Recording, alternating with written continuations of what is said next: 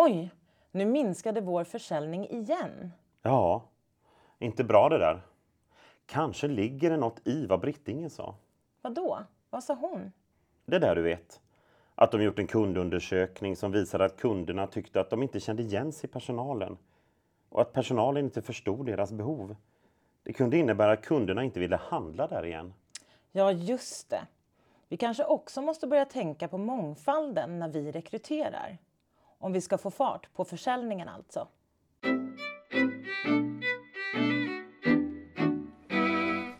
Ja, homogena arbetsplatser kan tendera att rulla på i samma hjulspår. Och risken finns att arbetsgivare missar kompetens för att de anställer likartad personal.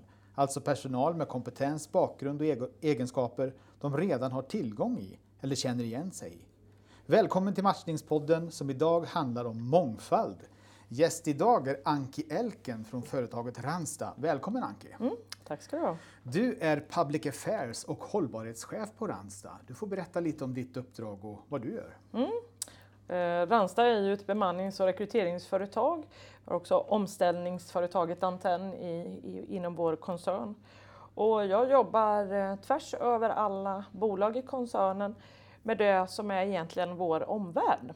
Mm. Eh, det betyder att de som påverkar, eller där vi påverkar eh, samhället, så är jag bryggan emellan vårt bolag eh, i, i samarbete med de fackliga ja. samverkanspartner och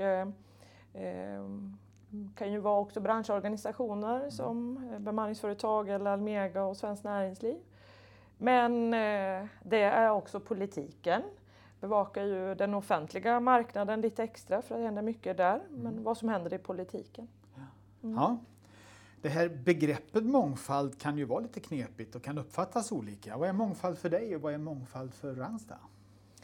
Mångfald är att man tar tillvara på människors olikheter. Eh, och för oss brukar vi prata om att det kanske är en dag som denna när det ska vara en landskamp mellan Sverige och Frankrike. Att ha ett fotbollslag med 12 målvakter eller ett arbetslag med bara eh, kompetenser inom ett, en, ett visst område. Eller för den delen, som vi har kommit en bra bit på vägen i, i Sverige när det gäller jämställdheten mellan män och kvinnor. Men i en tid efter 2015 med väldigt mycket nyanlända mm. så handlar det ju också om att ta tillvara på den kompetens som finns i vårt land. Men det gäller någonstans att se till människor, till människor och individer. Ja. Uh, och inte etikettera eller för den sakens skull reproducera normer och fördomar. Att vara normkritisk helt enkelt? Ja, ja. det är viktigt. Mm. Jag läste en krönika som du skrivit och där gör du en ganska tydlig skillnad mellan mångfald och inkludering.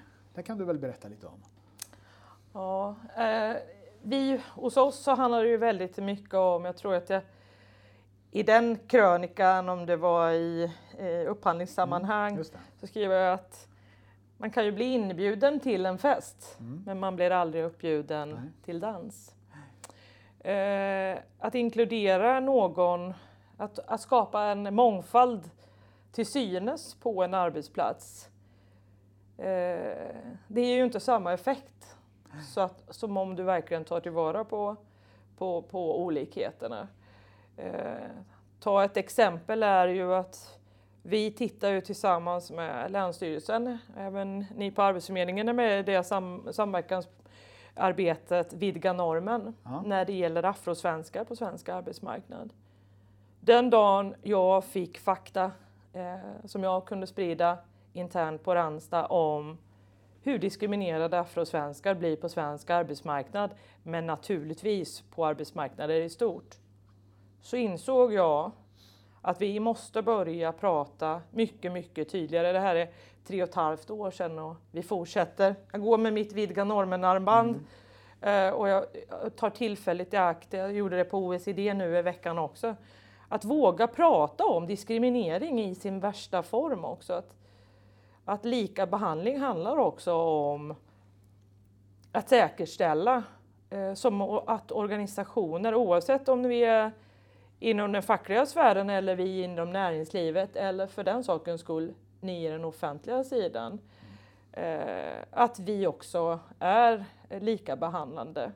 Att vi inte eh, använder språkkrav i, onöda, eh, i onödig utsträckning. Det ser vi i den offentliga sektorn, är mycket striktare med språkkrav. Mm. Inte relevant i många lägen om vi försöker att det blir nästan som vi blir någon, någon, någon, någon aktiviströrelse. Ja. Eh, kanske är rättviseförmedlingen i det största formatet. Men att vi tar samtalet med våra kunder och frågar, är det berättigat? Är det här relevant? Och många gånger så är det ju inte det. Så det är, det är ett komplext, en komplex fråga. Det kunde man ju läsa en artikel för ett par veckor sedan om eh, Scania som då hade förändrat språkkraven. Och ni jobbar väl med Scania i, mm. i de här frågorna? Det gör vi absolut. Vi har eh, ett gemensamt eh, arbete sedan lång, lång tid tillbaka. Vi har jobbat med varandra men vi har på vårkanten gått in i ett samarbete där vi har fått stöd ifrån Tillväxtverkets eh, Det heter, samarbetet heter Enklare väg till jobb.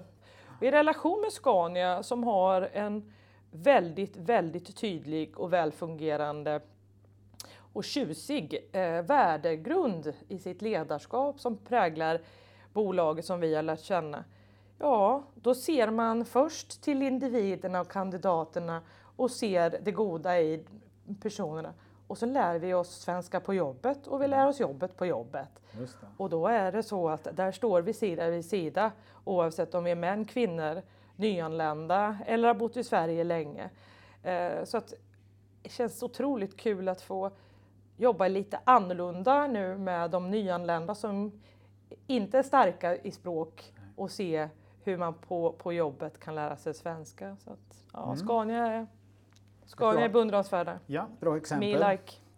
Och hur gör ni då rent praktiskt och konkret eh, på Randstad när ni, mm. vid rekryteringen? Ni rekryterar ju och bemannar ju åt mm. andra företag. Mm. Hur gör ni? Vad tänker ni på? Vad har ni för rutiner för att se till mm. att ni kan vidga normen och inkludera flera? Framförallt handlar det mycket om att fokusera på den kompetens och det behov som eh, vår kund eh, har behov av. Ja. Eh, sätta det i fokus och eh, dessutom i ett läge, det beror ju på vad det är för, för kompetenser, men att försöka att vidga, vidga perspektiv mm. på vilka som kan. Eh, ibland kanske man har fokuserat en lång tid på en viss kanske yrkesbakgrund eller en viss utbildning. Eh, och öppnar man upp lite grann så ser man oj, och här kan jag också och kan tillföra någonting helt annat. Tycker du att vi tar mångfalden på allvar idag i samhället? Då? Är det någon skillnad på privat och offentlig sektor? Ja, vissa gör väl det, eh, men jag tror att vi skulle kunna eh, använda våra olikheter alltså nationellt, crossover hela, på ett mycket, mycket bättre sätt. Det ser vi ju i, inte minst i chefsleden. Eh, och jag tycker att eh, vår erfarenhet från ett bolag som är stort och jobbar både med den privata sidan och med den offentliga sidan så tycker jag att eh, det är väldigt tydligt att den offentliga sidan behöver bli lika attraktiva som den privata sidan i att inkludera. Det finns otroligt många eh, exempel på inte relevanta språkkrav eller inträdeskrav. Eller som jag tycker och som jag är väldigt tydlig med. Vi är bra på att mäta hur många män och kvinnor och ålder vi har i våra respektive eh, organisationer. Men nästa steg är ju SUB har ju precis nu, eh, om det var idag eller om det var igår, släppt siffror på att de utrikesfödda har lägre, eller jobb på, på en, en, en eh, lägre nivå än vad deras utbildningsbakgrund eh, skulle kunna möjliggöra. Så att jag skulle nog svara utan tvekan, nej. Mm. Lite hemläxa där med andra ord. Ja. ja. Det här är ju ganska viktigt att man eh, saluför tidigt, alltså det här med mångfald. Jag såg en annons från Randstad bland annat där ni är väldigt tydliga, där ni skriver att det är viktigt att all kompetens på arbetsmarknaden tillvaratas och därför välkomnar ni alla sökande och eftersträvar mångfald. Ja. Det är det första man möter kanske i en annons och redan där så bjuds man ju in och inkluderas. Ja. Men jag skulle vilja säga att utmaningen är ju också, det är ju en hygienfaktor. En annan hygienfaktor är ju att anställa eh, personer ifrån eh, grupper som har kommit på den senaste tiden till Sverige. Anställa dem för att faktiskt vara de som vi kallar det för sourcing, men att eh, hitta, eller headhunters, att hitta kandidater. Där vi också i ett land där vi har mycket projekt till det mesta. Jag ber- berättade om att vi är i ett projekt, men vi brukar inte jobba i projektform så det är väldigt sällsynt. Men många av de nyanlända som vi kommer i kontakt med är evigt trötta på att vara praktikanter om man har varit där några gånger. De är evigt trötta på att vi vill hjälpa vuxna människor med en, en eh, i många gånger väldigt fin erfarenhet av både livet och, och, och arbetsmarknaden. Och så någonstans så, så får vi in en, en industri i det hela där vi jagar, eh, där vi jagar dem i olika projektformer. Så, så att för våran del så har det varit, en nyckel har varit, och, och jag tycker att det har varit en, vi har jobbat tillsammans med ett företag som heter WeLink Sweden, ett Vinnova-projekt där vi fick vara med och, och, och föra dialogen med minoritetsgrupper själva. Och det är helt annat. När, när människor vi pratar om är med i samtalet och dialogen, vi kan aldrig någonsin. Eller som eran, en av, jag måste säga det, att lyfta en stjärna i, i, i Arbetsförmedlingens organisation befinner sig i Uppsala län. Men eh, när, när vi söker chaufförer och där vi då blir helt upplyfta i att få reda på, och gärna kvinnliga chaufförer för det har vi god erfarenhet av. Och då eh, berättar hon om eh, de eritreanska kvinnorna som har en bakgrund i att göra militärtjänst, eh, erfarenhet av tunga fordon och även att mecka. Känner man det att eh, vi kan lära, alla kan lära av varandra. Jag tror att i det här fallet Mångfald är också olikheter och tillsammans över organisationsgränser men mellan människor så kan det här lyckas. Men, men om vi sitter i våra olika silosar då, ja, då är det utmaningar. Det är Ja. klart. Mm.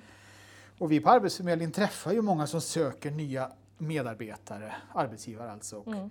Vilka argument tycker du är viktigast för att kanske påverka en arbetsgivare att våga öka mångfalden och inkludera flera?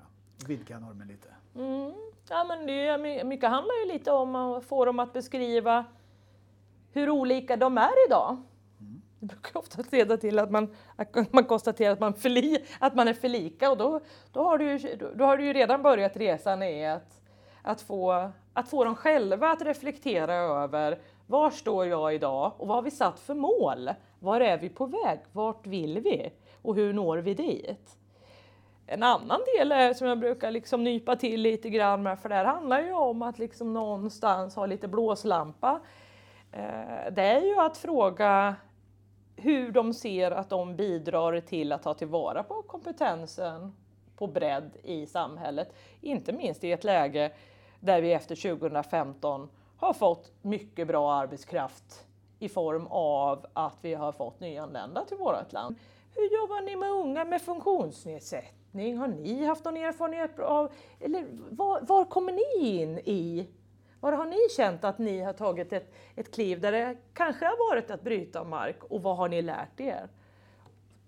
Då öppnar man oftast upp ett samtal där man är stolt över någonting. Då märker man ju om det finns en stolthet i att man har en lärande organisation. Eller annars så kanske det är organisationer som säger "Ja, vi har verkligen suttit och funderat på men vi vet inte hur.